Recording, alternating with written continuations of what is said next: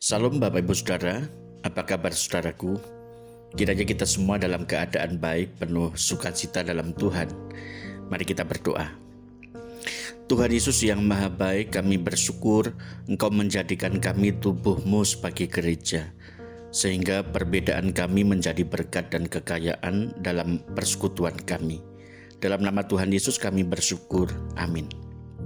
Kita akan membaca dan merenungkan firman Tuhan dari kitab kisah para rasul pasal 15 ayat 1 dan 2 berkata demikian. Beberapa orang datang dari Yudea ke Antioquia dan mengajarkan kepada saudara-saudara kita di situ. Jikalau kamu tidak disunat menurut adat istiadat yang diwariskan Musa, kamu tidak dapat diselamatkan tetapi Paulus dan Barnabas dengan keras melawan dan membantah pendapat mereka itu. Akhirnya ditetapkan supaya Paulus dan Barnabas serta beberapa orang lain dari jemaat itu pergi kepada rasul-rasul dan penatua-penatua di Yerusalem untuk membicarakan soal itu.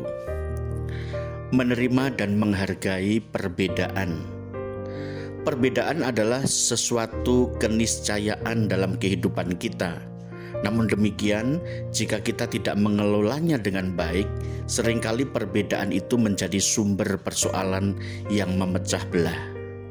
Seperti bacaan kita hari ini dari kisah para rasul 15 ini, gereja yang baru berdiri menghadapi persoalan serius ketika sekelompok orang Kristen yang berasal dari Yerusalem, orang-orang Yahudi, datang ke Antioquia dan mengajarkan orang-orang Kristen non-Yahudi supaya menjalankan tradisi Yahudi seperti sunat dan lain sebagainya. Mereka menuntut orang Kristen non-Yahudi untuk mengikuti tradisi orang Yahudi, sebab menurut pendapat mereka bahwa Mesias itu datang sebagai seorang Yahudi.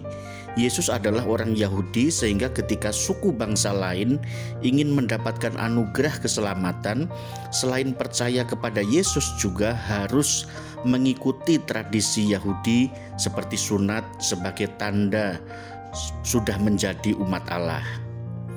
Tidak diragukan lagi beberapa orang Yahudi merasa terancam oleh masuknya orang-orang bukan Yahudi yang tidak bersunat ke dalam gereja. Identitas diri orang-orang Yahudi berada dalam bahaya menurut pendapat mereka, bahkan bisa lebih mengerikan, bisa dihilangkan bahkan. Namun jika semua orang non-Yahudi itu menjadi orang Yahudi seperti yang ditandai dengan sunat, maka hal itu justru menguntungkan mereka.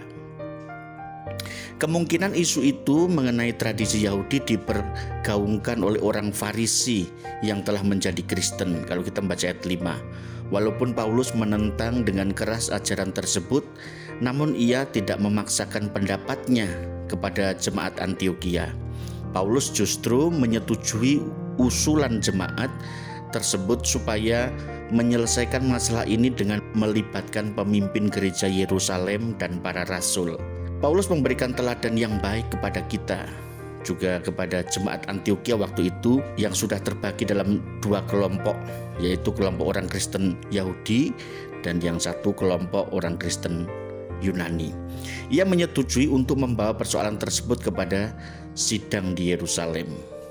Dalam berderap bersama sebagai gereja Tuhan, kita harus mengembangkan budaya saling menghargai perbedaan sebagai sesama satu tubuh Kristus, maka setiap kita anggotanya pasti berbeda-beda, bukan untuk terpecah belah, tetapi untuk melengkapi satu dengan yang lain.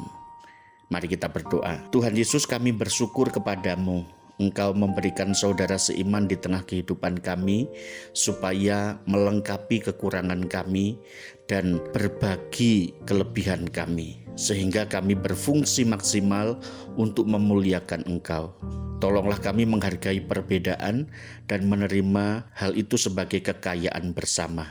Dalam nama Tuhan Yesus, kami berdoa dan memohon. Amin.